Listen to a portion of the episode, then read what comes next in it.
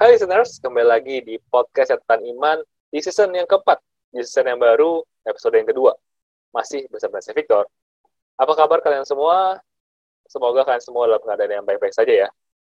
Nah, di episode kali ini kita membahas mengenai sesuatu yang cukup berbeda dengan topik sebelumnya, di mana hari ini kita ngebahas mengenai topik yang lagi hot nih ya, yang lagi hot di kalangan anak muda terutama, karena ini lagi booming banget, lagi banyak terjadi gitu ya. Nah, saya akan awali dengan sebuah artikel yang saya ambil dari detik.com, di mana artikelnya berjudul Waspada Ladies, kekerasan dalam kekerasan dalam pacaran kasus kekerasan terbesar ketiga di RI. Di mana kalau kita baca sedikit artikelnya, uh, artikelnya mengangkat sebuah uh, kejadian yang dialami oleh seorang korban dengan inisial NWR, di mana uh, eh, NWR ini adalah seorang perempuan yang dia mengalami uh, kekerasan uh, dalam pacaran, di mana si NWR ini dia diperkosa dan dipaksa melakukan aborsi oleh kekasihnya yang mirisnya adalah seorang anggota polisi di Pasuruan. Sehingga akhirnya si NWR ini memutuskan untuk bunuh diri karena nggak uh, dia nggak kuat gitu ya uh, uh, mengalami ini semua gitu. Jadi miris banget kisah ini dan kisah ini juga sempat viral di media sosial dan bukan itu bukan cuma itu aja ya. Kalau kita baca lagi dari uh, komisioner Komnas Perempuan uh, mengatakan bahwa kasus NWR ini bukanlah kasus yang uh, single gitu ya, bukan kasus yang jarang, tapi adalah salah satu dari 4.500 kasus kekerasan terhadap perempuan yang terjadi dalam periode Januari sampai Oktober. Dan itu yang diadukan. Jadi yang belum yang nggak diadukan tuh nggak tahu berapa banyak gitu ya. Jadi uh, kekerasan dalam pacaran ini saya melihat bahwa semakin lama trennya semakin meningkat. Dan juga mungkin kalau uh, teman-teman semua ingat kisah mengenai uh, Laura Anna dan juga Gaga Muhammad ya yang sempat heboh beberapa hmm, mungkin bulan yang lalu itu juga terkait dengan hal ini gitu ya di mana ada uh, kekerasan dalam pacaran ataupun juga mungkin kalau kita tarik benang merahnya ataupun juga uh, tarik uh, topik besarnya adalah sebenarnya mengenai toxic relationship. Nah, itu dia. Itu adalah topik yang akan saya bahas hari ini. Itu adalah mengenai toxic relationship uh, buat teman-teman yang nggak tahu, apa sih itu namanya toxic relationship? Nah, sesuai namanya, toxic itu adalah racun gitu ya. Jadi, uh, toxic relationship adalah uh, suatu hubungan yang mampu untuk mematikan kemampuan kita untuk menikmati suatu hubungan gitu ya. Jadi hubungan yang tadinya harusnya kita nikmati, uh, jadinya malah sebaliknya gitu. Malah kita menderita dan kita jadi nggak nyaman akan hal itu gitu dan salah satu apa ya ciri daripada uh, toxic relationship ini juga adalah di mana kalau relationship apa relationship yang sehat ataupun juga yang healthy itu kan ada namanya give and take ya di mana ada momen uh, setiap pasangan itu uh, mereka memberi dan juga menerima gitu. Tapi di toxic ini biasanya mereka hanya fokus take gitu ya. Take take everything dari partnernya gitu. Sehingga uh, menjadi toxic bagi kedua belah pihak sebenarnya gitu. Dan uh, kalau kita tarik sendiri tarik sedikit ya uh, dalam segi rohani, dalam segi kekristenan, ini tuh toxic relationship ini tuh sangatlah berlawanan dengan apa yang sebenarnya Tuhan rancang dari hubungan pria dan perempuan pada awalnya gitu. Karena kalau teman-teman baca kitab kejadian, kita tahu bahwa Tuhan melihat bahwa nggak baik Adam itu sendirian, lalu akhirnya diciptakanlah Hawa untuk menjadi penolong gitu. Jadi uh, hubungan Adam dan Hawa ini adalah hubungan yang sebenarnya saling melengkapi, saling membantu sama-sama satu sama lain dan saling menolong gitu. Uh, dan ini amatlah berbeda dengan toxic relationship gitu ya, di mana bukannya saling membantu tapi malah uh, saling menghancurkan sebenarnya gitu. Dan sebenarnya uh, toxic relationship ini sebenarnya nggak cuma terjadi di hubungan pacaran sebenarnya. Ini bisa terjadi dalam banyak sekali hubungan. Uh, mungkin dengan orang tua itu juga bisa, dengan kakak adik, dengan teman-teman, teman kantor, dan banyak hal lainnya. Gitu. Cuman mungkin di episode kali ini, kita akan membatasi ataupun juga kita akan membahas dalam ruang lingkup pacaran aja ya. Jadi kita fokus dengan uh, pasangan gitu ya. Nah, uh, mungkin saya akan bahas uh, di bagian pertama uh, sesi ini kita ngebahas mengenai apa sih sebenarnya tanda-tanda kalau kita ini udah ada di toxic relationship gitu ya. Jadi jangan jangan sampai kita tahu mengenai toxic relationship, tapi kita nggak sadar kalau sebenarnya hubungan yang sedang kita jalani saat ini tuh sebenarnya juga udah termasuk gitu ya di dalam uh, toxic relationship gitu ya. Jadi saya akan bagikan beberapa tanda-tanda supaya mungkin kita bisa lebih aware akan hubungan yang kita miliki, ataupun juga lebih aware gitu ya dengan hubungan-hubungan uh, yang dimiliki oleh teman-teman kita, sehingga mungkin kita bisa membantu mereka juga gitu ya. Oke, okay. uh, tanda yang pertama adalah rasa tidak nyaman di sekitarnya ataupun juga di sekitar pasangan kita gitu ya. Kenapa? Karena kalau kita ingat di awal-awal kita PDKT, apalagi awal pacaran, itu kan rasanya wah semuanya indah ya gitu. Semuanya tuh kayaknya berbunga-bunga gitu ya. Rasanya kita tuh tiap hari pengen ketemu dia terus gitu. Nah, tapi uh, kalau udah masuk ke dalam stage toxic relationship, biasanya tuh udah mulai masa takut gitu ya. Kalau ketemu pasangan tuh mulai masa, aduh, takut, tadi takut dimarahin, takut mungkin uh, dihina atau takut direndahkan atau bahkan takut untuk dipukul gitu ya. Dan mulai merasa nggak nyaman gitu. Nah jadi ketidaknyamanan ini adalah salah satu ciri daripada toxic relationship. Itu yang pertama. Yang kedua adalah ciri-cirinya adalah bahwa uh, pasangan ini tuh either pasangan ataupun kita sendiri mungkin ya itu tuh tidak bisa mengakui kesalahan gitu ya. Ini adalah ciri yang paling uh, sering ditemui sih gitu ya. Kenapa? Karena sebenarnya kita perlu sadari bahwa pasangan kita ataupun kita itulah manusia gitu. Dan kita berdua tuh gak ada yang sempurna. Pasti masing-masing dari kita pasti yang pernah melakukan kesalahan. Nah, masalahnya kalau masing-masing dari kita bisa salah, tapi nggak ada di antara kita yang mau untuk mengaku salah dan minta maaf. Nah, itulah kenapa bisa terjadi namanya toxic relationship di mana di toxic apa relationship ini setiap pihak merasa bahwa dirinya paling benar gitu. Dan dirinya eh, nggak uh, mau gitu ya untuk menurunkan harga dirinya gitu ya untuk untuk minta maaf gitu. Nah inilah uh, ciri-ciri ciri kedua itu daripada toxic relationship. Di mana sebenarnya ini juga hmm, apa ya bisa kita pelajari juga sebenarnya di Alkitab. Di mana di Amsal 16 ayat 18 itu dituliskan bahwa kencokakan mendahului kehancuran. Dan tinggi hati mendahului kejatuhan. Gitu. Jadi kita bisa melihat bahwa kalau dalam hubungan itu ada kecokakan dan juga tinggi hati maka pasti nggak akan lama gitu. Hubungan itu akan hancur dan jatuh gitu. Nah, karena itu uh, ini perlu kita hindari uh, uh, ciri yang kedua ini di mana kita tidak mau mengakui kesalahan. Oke kita masuk ke ciri yang ketiga. Ciri yang ketiga adalah bahwa masalah itu nggak pernah selesai, gitu ya. Uh, kita semua pasti tahu ya bahwa yang namanya hubungan itu pasti ada yang namanya gesekan, pasti muncul yang namanya masalah ataupun juga problem. Dan it's very normal. Itu wajar banget gitu. Kalau setiap pasangan itu punya masalah punya gesekan itu wajar.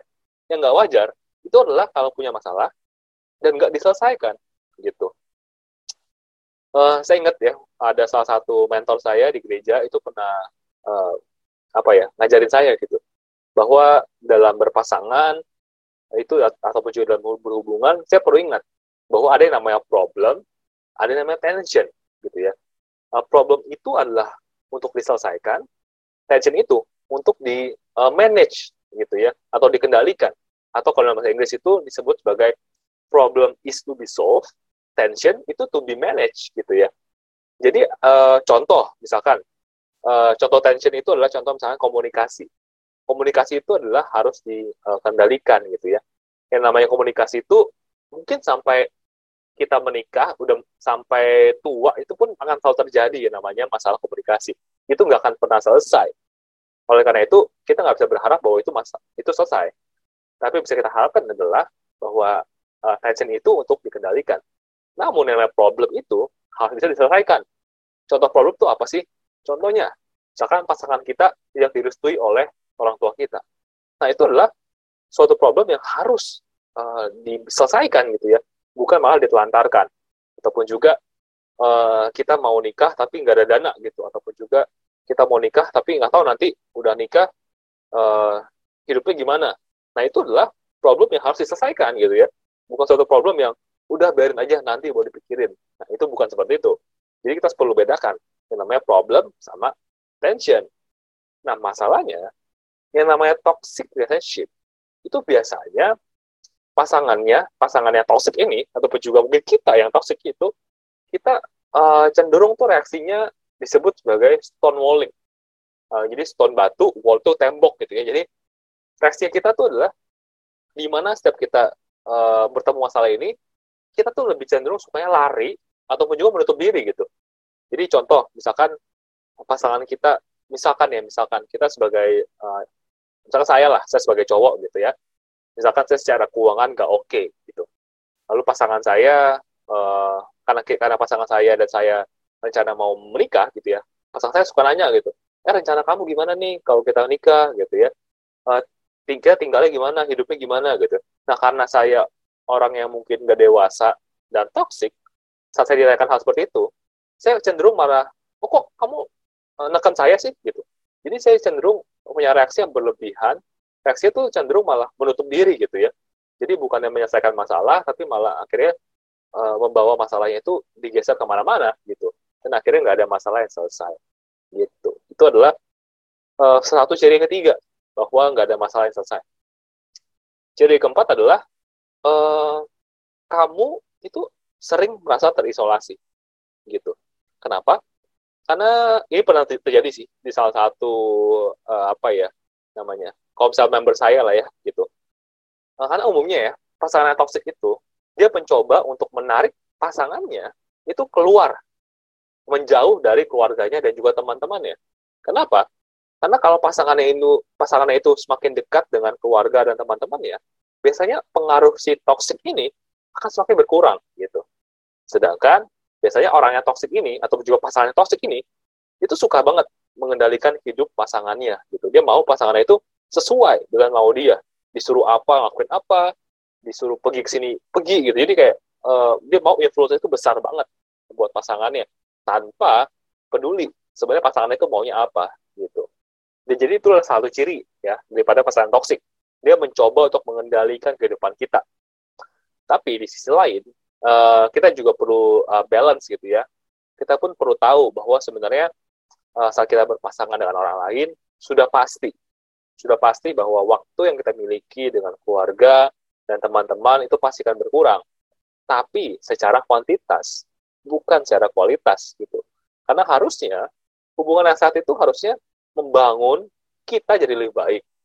Dan dengan kita jadi lebih baik, harusnya hubungan kita dengan orang tua juga jadi lebih baik, dengan teman lebih baik, dengan rekan kerja juga lebih baik.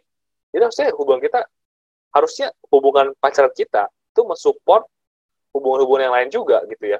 Bukan malahnya sebaliknya. Dari hubungan pacaran justru malah merusak hubungan-hubungan yang lain. Gitu. Jadi inilah ciri keempat di mana kamu mungkin merasa terisolasi. Lalu ciri yang kelima adalah adanya disrespect atau juga tidak menghargai. Seperti kita tahu bahwa fondasi suatu hubungan adalah uh, rasa saling menghargai ya, di mana kita sama-sama saling menjunjung tinggi pasangan kita. Nah, tapi toxic partner ataupun juga pasangan yang toxic itu cenderung sebaliknya. Mereka suka merendahkan pasangannya. Mereka suka mengingat kembali kelemahan orang. Kamu kan emang orangnya begitu, gitu ya. Bahkan mereka, mereka suka sekali merendahkan uh, pasangannya dengan perkataannya gitu kan ya kamu mah sama kayak mama kamu segala macam dan dan hal-hal lainnya. Intinya intinya uh, orang yang toksik ini tuh suka buat orang lain tuh merasa vulnerable masa rapuh gitu. Nah ini berlawanan sekali dengan apa yang kita katakan gitu ya. Kalau teman-teman baca di Filipi 2 ayat 3 sampai 4 ini saya bacakan aja. Dikatakan bahwa dengan tidak mencari kepentingan sendiri atau puji-pujian yang sia-sia sebaliknya hendaklah dengan rendah hati yang seorang menganggap yang lain lebih utama daripada dirinya sendiri. Dan janganlah tiap-tiap orang hanya memperhatikan kepentingannya sendiri, tetapi kepentingan orang lain juga. Jadi di sini jelas banget bahwa kita diajarkan untuk nggak cuma mementingkan kepentingan kita sendiri, tapi orang lain juga gitu. Nah, e, ciri lain daripada hubungan yang tidak ada respect adalah banyak kebohongan di dalamnya, gitu ya Jadi uh, banyak kebohongan-kebohongan yang, yang dilontarkan oleh mungkin masing-masing pihak dalam hubungan tersebut. Kenapa? Karena mereka nggak memandang pasangannya sebagai orang yang pantas menerima kejujuran gitu.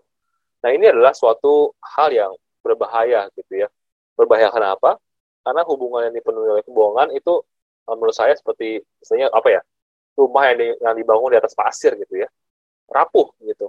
Dan yang kedua adalah karena Tuhan itu sangat membenci yang namanya kebohongan. Uh, kalau saya ambil ayatnya ya, itu dari dari Amsal 6 ayat 16 sampai 19 dikatakan seperti ini. Enam perkara ini yang dibenci Tuhan, bahkan tujuh perkara yang menjadi kekejian bagi hatinya. Mata sombong, lidah dusta, tangan yang menumpahkan darah, orang yang tidak bersalah, hati yang membuat rencana hati yang membuat rencana-rencana yang jahat, kaki yang segera lari menuju kejahatan, seorang saksi dusta yang menyembur-nyemburkan kebohongan dan yang menimbulkan pertengkaran saudara. Jadi kalau teman-teman perhatikan ya, lihat ini ada dua, dua kali Tuhan Tuhan uh, berkata mengenai kebohongan. Jadi artinya adalah uh, kalau dua kali itu penting ya. Jadi betapa Tuhan tuh nggak suka banget yang namanya dusta, yang namanya kebohongan. Oleh karena itu penting untuk kita menjauhi yang namanya dusta di dalam hubungan kita. Gitu. Jadi ini adalah ciri-ciri uh, hubungan yang toksik. Dan saya berdoa bahwa teman-teman semua yang mendengarkan ya eh, nggak uh, ada yang berada di dalam hubungan yang toksik ataupun juga saat ataupun juga kalau teman-teman dengar dan merasa kayak eh kayaknya ada beberapa poin yang terjadi dalam hubungan saya ya. Nah justru uh, saya berdoa supaya teman-teman lebih aware gitu ya uh, terkait dengan uh, stage ataupun juga status hubungan teman-teman sehingga teman-teman tahu nih kalau sudah seperti ini mau dibawa ke mana gitu. Oleh karena itu eh, berikutnya saya akan ngebahas mengenai apa yang perlu kita lakukan gitu. Kalau kita berada dalam hubungan yang toxic gitu. Secara alkitabiah kita perlu ngapain gitu. Nah, mungkin sebelum saya ngebahas mengenai poin-poinnya, saya perlu uh, menjelaskan beberapa disclaimer gitu ya. Yang pertama, kita perlu tahu bahwa sekali lagi uh, toxic relationship itu bukan rencana Tuhan gitu ya. Jadi kita nggak bisa bilang bahwa oh mungkin Tuhan sengaja nih mempertemukan saya dengan orang seperti ini, orang yang jahat seperti ini, orang yang suka mukulin saya supaya saya supaya saya lebih kuat. No gitu ya. Nggak pernah ada sama sekali rencana Tuhan yang menyakiti kita gitu. Jadi sama sekali nggak boleh punya perspektif seperti itu. Oke, okay? itu yang pertama. Disclaimer kedua adalah yang namanya gesekan itu wajar. Yang tadi saya bilang ya, problem gesekan itu wajar. Tapi yang wajar itu adalah kalau tujuannya supaya kita jadi lebih baik, supaya masing-masing uh, pihak dalam hubungan itu jadi pribadi yang lebih baik, bukan sebaliknya, bukan jadi lebih buruk. Itu yang nggak wajar. Itu gesekan dan problem yang nggak wajar, yang di mana berujung pada hal-hal yang tidak baik, gitu ya. Itu yang perlu kita pisahkan. Dan yang ketiga, bahwa uh, sebenarnya paling mudah gitu ya. Paling mudah untuk memberikan saran kepada orang bahwa kalau kalau kamu di, top, di dalam toxic friendship keluar aja gitu. Putusin aja gitu ya. Tapi uh, menurut saya setiap daripada kita itu uh, berada dalam mungkin ya kalau ada berada dalam toxic friendship itu nggak semuanya fatal gitu ya. Nggak semuanya parah gitu. Mungkin ada level-levelnya. Yang menurut saya kalau levelnya mungkin masih di tahap awal nggak perlu sampai diputusin ataupun nggak perlu sampai diakhiri gitu menurut saya ada beberapa langkah yang bisa kita coba lakukan gitu. Saya nggak bilang pasti berhasil tapi bisa kita coba lakukan terlebih dahulu gitu. Kalau yang hal-hal ini sudah dicoba dan nggak berhasil baru mungkin kita coba langkah terakhir itu untuk mengakhiri hubungan tersebut gitu. Nah hal-hal apa yang bisa kita coba lakukan? Yang pertama adalah menurut saya own your portion ataupun juga apa ya ambil bagianmu gitu ya. Karena saya percaya bahwa setiap setiap masalah dalam hubungan itu itu hampir nggak mungkin 100% kesalahan satu pihak aja gitu. Pasti ada kesalahan ataupun juga ada, pasti ada bagian dari kedua belah pihak gitu. Mau itu kecil, tetap ada gitu. Bagian daripada kedua belah pihak gitu.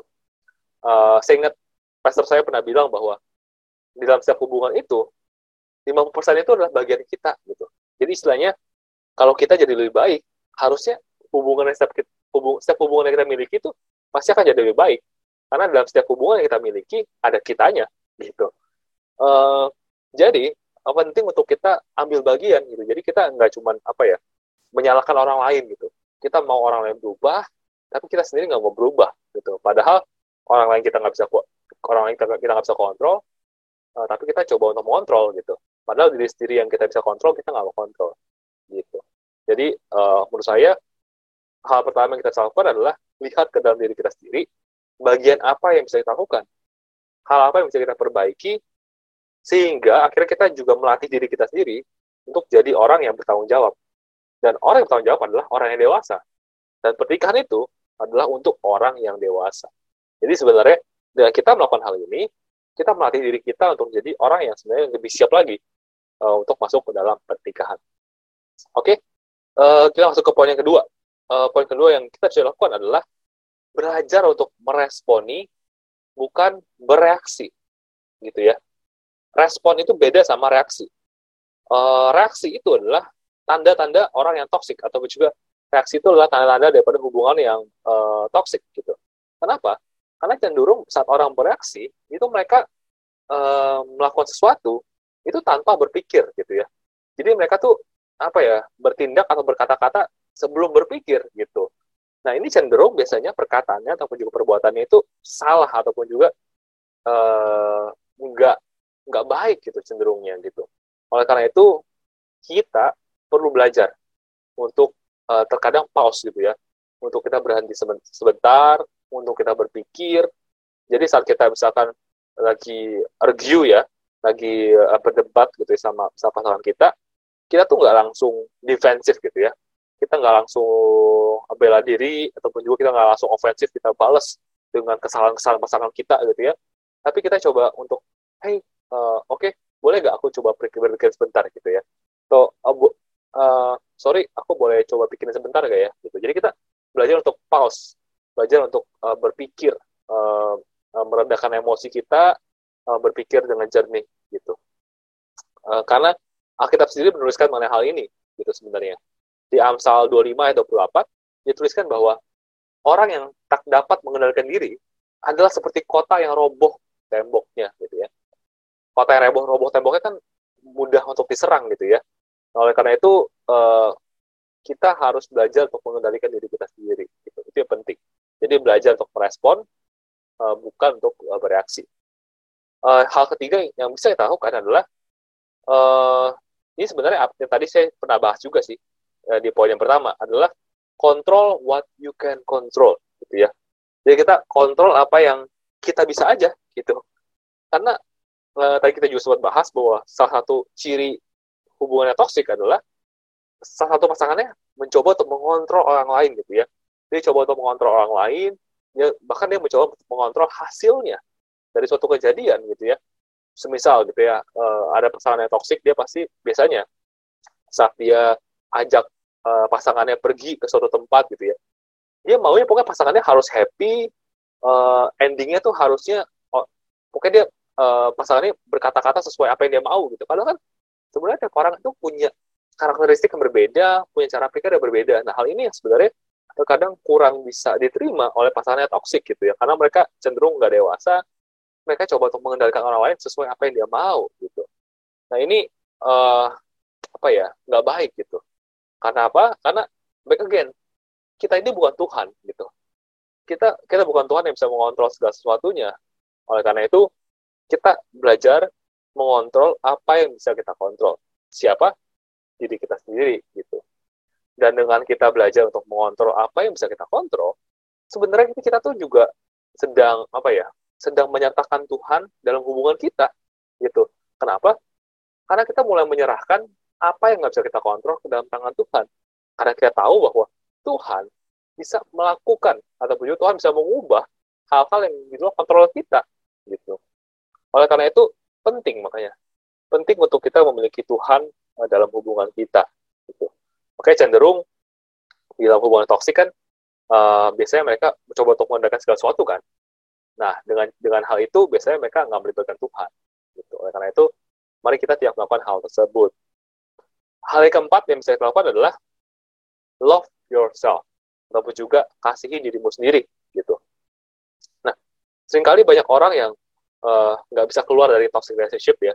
Kita kalau dengar cerita orang-orang yang mengalami uh, hal ini, terutama jadi korban, Karena kita dengerin mungkin aneh ya. Kenapa ya si cewek ini atau si cowok ini yang jadi korban kok bisa ya stay dalam hubungan itu selama bertahun-tahun udah dipukuli masih tetap uh, stay sama pasangannya kenapa hal seperti itu ya karena biasanya orang-orang jadi korban ini mereka tuh merasa rendah diri gitu.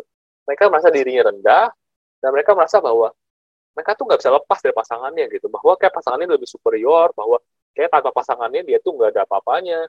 Cenderung tuh pasang-pasang seperti ini gitu. Di sini sama sekali nggak benar gitu. Karena Tuhan itu menciptakan kamu sama dengan pasanganmu, memiliki word yang sama gitu. Jadi oleh karena itu nggak punya alasan untuk kita merasa diri kita rendah gitu. Kalau saya boleh ingatkan lagi dari Mazmur 139 ayat 13 sampai 14 itu dituliskan bahwa sebab engkaulah yang membentuk buah pinggangku, menenun aku dalam kandungan ibuku. Aku bersyukur kepadamu oleh karena kejadianku dahsyat dan ajaib. Ajaib apa yang kau, yang kau buat dan jiwaku benar-benar menyadarinya. Jadi Tuhan tuh begitu luar biasa merancang dan menciptakan kita gitu. Oleh karena itu kita nggak boleh sama sekali lupa akan apa yang Tuhan telah tempatkan atau juga nilai yang Tuhan telah taruh dalam kehidupan kita gitu. Oleh karena itu penting supaya kita nggak terjebak dalam toxic relationship adalah kita tahu bahwa diri kita berharga dan kita belajar untuk menghargai diri kita sendiri gitu. Um, tips yang selanjutnya adalah yang bisa kita lakukan adalah tentukan yang namanya batasan. Nah ini penting nih. Batasan itu maksudnya apa? Batasan itu penting banget untuk kita miliki dalam setiap hubungan. Karena batasan itu berfungsi untuk menentukan tindakan atau ucapan apa yang diperbolehkan ada dalam hubungan kita. Gitu. Semisal, kalau kita uh, misalkan ya kondisinya apa ya kita lagi pacaran di suatu restoran gitu ya terus misalkan pacar kita nggak sopan pacar kita tuh mulai teriak-teriak gitu ya mulai maki-maki kita nah kita bisa kasih batasan gitu ya kita bisa bilang bahwa saya akan keluar dari restoran ini kalau kamu tetap bicara nggak sopan ataupun juga teriak-teriak seperti ini. Gitu. Jadi kita tentukan batasan. Jadi kita nggak membiarkan diri kita tuh apa ya direndahkan terus ataupun juga diterobos terus batasannya gitu. Jadi uh, kita perlu set boundaries untuk uh, apa ya supaya orang lain juga bisa menghargai kita. Bahwa kita bilang sama orang lain bahwa saya nggak mau dan nggak suka dan saya nggak nggak mau diperlakukan seperti ini gitu intinya gitu atau bahkan kalau kita berpacaran sama orang lain gitu ya sebelum sebelum kita berpacaran sama dia kita bisa tentukan dulu batasannya gitu bahwa saya mau hubungan saya seperti ini gitu ya saya mau ngejaga bahwa uh, dalam hubungan dalam hubungan berpacaran yang kita akan jalanin, saya nggak mau kita menerobos batasan seksual, misalkan. Kalau kita melanggar hal itu, saya mau kita putus gitu. Karena menurut saya itu nggak sehat dan nggak sesuai dengan apa yang Tuhan mau. Nah itu adalah batasan-batasan yang perlu untuk kita set sebenarnya, gitu. Uh, saya kasih ilustrasi gini. Kalau teman-teman pernah ke jalan tol gitu ya, pasti kan teman-teman lihat kan di kiri kanannya itu pasti ada ada pagar pembatas ya, atau disebut sebagai guardrail gitu ya. Nah, kenapa dipasang itu? Itu dipasang adalah supaya untuk sebagai pengaman, supaya mobil itu kalau misalkan selip gitu ya, atau remnya belum, mobil itu tuh nggak nggak ke mana-mana gitu, nggak akan sampai masuk ke jurang, nggak akan sampai pindah jalur, tapi tetap di uh, jalur tol yang yang sama gitu. Nah, jadi batasan itu pun juga berfungsi seperti itu. Batasan itu tuh bukan supaya membatasi kita supaya kita nggak bisa menikmati suatu hubungan, itu sebaliknya batasan itu justru membuat kita uh, menjadi lebih bebas dalam berhubungan, tapi dalam koridor yang tepat. Gitu. Setelah lima hal tadi, misalkan kita udah coba apa ya, mencoba untuk uh, mengambil bagian, kita tuh sudah coba untuk uh, merubah diri kita sendiri, udah coba memberikan batasan, uh, tapi misalkan pasangan kita tetap tidak, tidak, tidak menghargai, tetap uh, bersikap yang nggak pantas terhadap kita, maka mau nggak mau kita harus lakukan cara yang keenam, itu adalah mengakhiri hubungan tersebut, gitu ya. Uh, ini adalah menurut saya langkah terakhir, namun bisa juga menjadi langkah yang pertama sebenarnya. Kalau misalkan sebenarnya hubungan yang kita miliki itu udah udah benar toksik dari awalnya gitu ya, jadi nggak perlu pakai cara-cara sebelumnya langsung putusin aja gitu ya. Kalau memang kita udah dalam stage yang parah gitu. Contohnya parah tuh apa? Contohnya misalkan dalam hubungan kita ada yang namanya kekerasan fisik, atau juga kekerasan seksual, atau juga hal-hal yang sudah mulai mengganggu mental health kita, dan mungkin banyak hal lainnya. Gitu. Jadi kalau udah sampai sempat mengalami hal ini, mendingan akhiri aja langsung, gitu. Nggak perlu pakai babi bula istilahnya.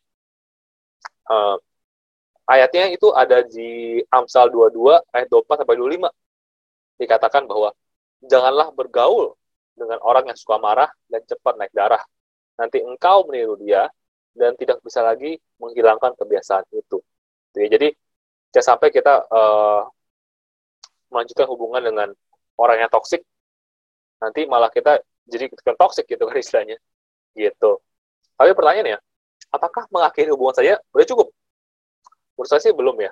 Karena biasanya orang yang habis menjalani hubungan yang toksik dan juga habis keluar ya dari hubungan yang toksik, itu kayak masih ada sisa-sisa racun gitu dalam tubuhnya gitu ya, yang perlu dibersihkan. Nah oleh karena itu uh, orang yang uh, habis dari toxic relationship itu gak cukup hanya keluar dan selesai gitu ya, tapi setelah keluar ada hal-hal yang perlu dilakukan gitu ya. Nah menurut saya uh, melakukan apa? Yang pertama adalah harus fokuskan diri dengan Tuhan sih. Nah, menurut saya ini penting banget gitu. Karena uh, mungkin selama ini dia selalu fokusin diri dengan pasangannya, dia memiliki pengharapan besar pada pasangannya, jauh lebih Tuhan, akhirnya dia kecewa. Nah, saat saat, seperti ini, saat dia keluar dari hubungan uh, yang toksik, saya, saya, saya percaya bahwa hanya Tuhan sih yang bisa menyembuhkan hati manusia, hanya Tuhan yang bisa menyembuhkan luka-luka yang ada dalam hati manusia gitu. Oleh karena itu perlu banget uh, untuk kita semua yang habis keluar dari hubungan toksik itu untuk fokuskan diri pada Tuhan gitu. Uh, bahkan Mazmur 147 ayat 3 itu menuliskan bahwa iya Tuhan di sini menyembuhkan orang yang patah hati dan membalut luka-luka mereka. Jadi ayat ini menuliskan mengenai betapa Tuhan tuh betapa sayangnya gitu ya akan orang-orang yang patah hati dan uh, hatinya terluka. Oleh karena itu jangan pernah takut untuk uh, pergi uh, menghampir Tuhan gitu. Kalau teman-teman habis mengalami hal seperti ini. Lalu hal kedua apa sih yang perlu kita lakukan setelah kita fokus sama Tuhan gitu ya? Setelah akhirnya kita coba set straight lagi sama Tuhan, hal kedua yang kita lakukan adalah berdoa dan ampuni mantan kamu. Nggak gampang, tapi menurut, menurut saya sih ini perlu kita lakukan sih. Gitu karena menurut saya susah nih untuk kita bisa move on ke hubungan yang selanjutnya. Kalau kita masih bawa bagasi-bagasi yang berat dari hubungan yang sebelumnya gitu. Nah, cara kita untuk bisa melepaskan bagasi tersebut sehingga kita bisa masuk ke hubungan masuk ke hubungan yang baru dengan lebih nyaman, lebih bebas adalah dengan cara mengampuni uh, mantan kita yang toxic itu gimana kita bisa mampuni mereka dan doakan dia gitu. Dan ini sejalan dengan apa yang uh, Yesus katakan di Lukas 6 ayat 28 gimana dikatakan bahwa mintalah berkat bagi orang yang mengutuk kamu, berdoalah bagi orang yang mencaci kamu gitu. Jadi setelah kita bisa berfokus sama Tuhan, setelah kita minta Tuhan untuk bisa apa ya masuk dalam hati kita untuk membersihkan kita lagi, untuk bisa membalut luka-luka di hati kita, hal berikutnya adalah kita juga bisa berdoa sama Tuhan untuk uh, memampukan kita gitu untuk bisa mengampuni bahkan berdoa buat mantan kita berdoa supaya dia jadi orang yang lebih baik supaya dia juga bisa uh, punya kesempatan memasuki hubungan yang baru juga dengan lebih baik dan sebagainya gitu. Dan menurut saya ini adalah uh, kalau kita bisa melakukan hal ini, ini adalah ciri-ciri bahwa kita telah menjadi orang yang jauh lebih baik uh, dari sebelum kita dalam hubungan tersebut dan kita jadi orang yang jauh lebih dewasa. Oke, okay. uh, eh, itu aja sih sebenarnya yang mau saya bagikan di episode kali ini. Semoga bisa berguna buat teman-teman semua. Pesan saya adalah buat teman-teman uh, yang mungkin saat ini sedang berada dalam toxic relationship ataupun juga yang masih dalam uh, tahap pemulihan untuk jangan menyerah gitu ya. Jangan menyerah dan uh, terus belajar gitu. Karena uh, saya percaya bahwa uh, terutama ya, terutama buat teman-teman yang set, habis mengalami uh, hal yang gak enak mungkin di hubungan sebelumnya, uh, tetap jangan menyerah, tetap percaya bahwa Tuhan bisa gunakan apa pun, apa pun yang terjadi dalam kehidupan kita untuk mendatangkan kebaikan bagi kita gitu. Asalkan kita berbalik dan mendekat pada Dia. Oleh karena itu, uh, menurut saya nggak ada kata terlambat. Jadi uh, mau teman-teman misalkan mengalami hal yang parah sekalipun, bahkan kalau kita balik ke artikel yang kita baca di awal, mungkin ya, amit-amit sih ya, mungkin mengalami seperti apa yang NWL lakukan gitu ya. Kita jangan sampai uh, bunuh diri gitu. Jangan jangan sampai putus harapan. Gitu. Karena saya percaya bahwa kita punya Tuhan yang begitu luar biasa, punya Tuhan yang mengasihi kita dengan luar biasa, punya Tuhan yang bisa memberikan kita kehidupan yang baru gitu, bisa menjadikan kita pribadi yang baru gitu di dalam Dia. Oleh karena itu, mari kita belajar untuk uh, terus fokus pada Yesus sehingga dalam hubungan yang kita jalani kita bisa bisa jalani hubungan yang benar dan uh, bisa menjadi pribadi yang lebih baik juga. Oke, okay? itu aja buat episode kali ini. Semoga bisa memberkati teman-teman semua. Nah, buat teman-teman semua yang punya ide-ide menarik, topik-topik yang mungkin bisa saya bahas di episode episode selanjutnya, bisa langsung aja dari message saya di Instagram saya di @victoritia ataupun juga di Instagram @prisaiman.id. So, oke okay guys, itu aja buat kali ini. Thank you for listening. Uh, see you in the next episode. God bless.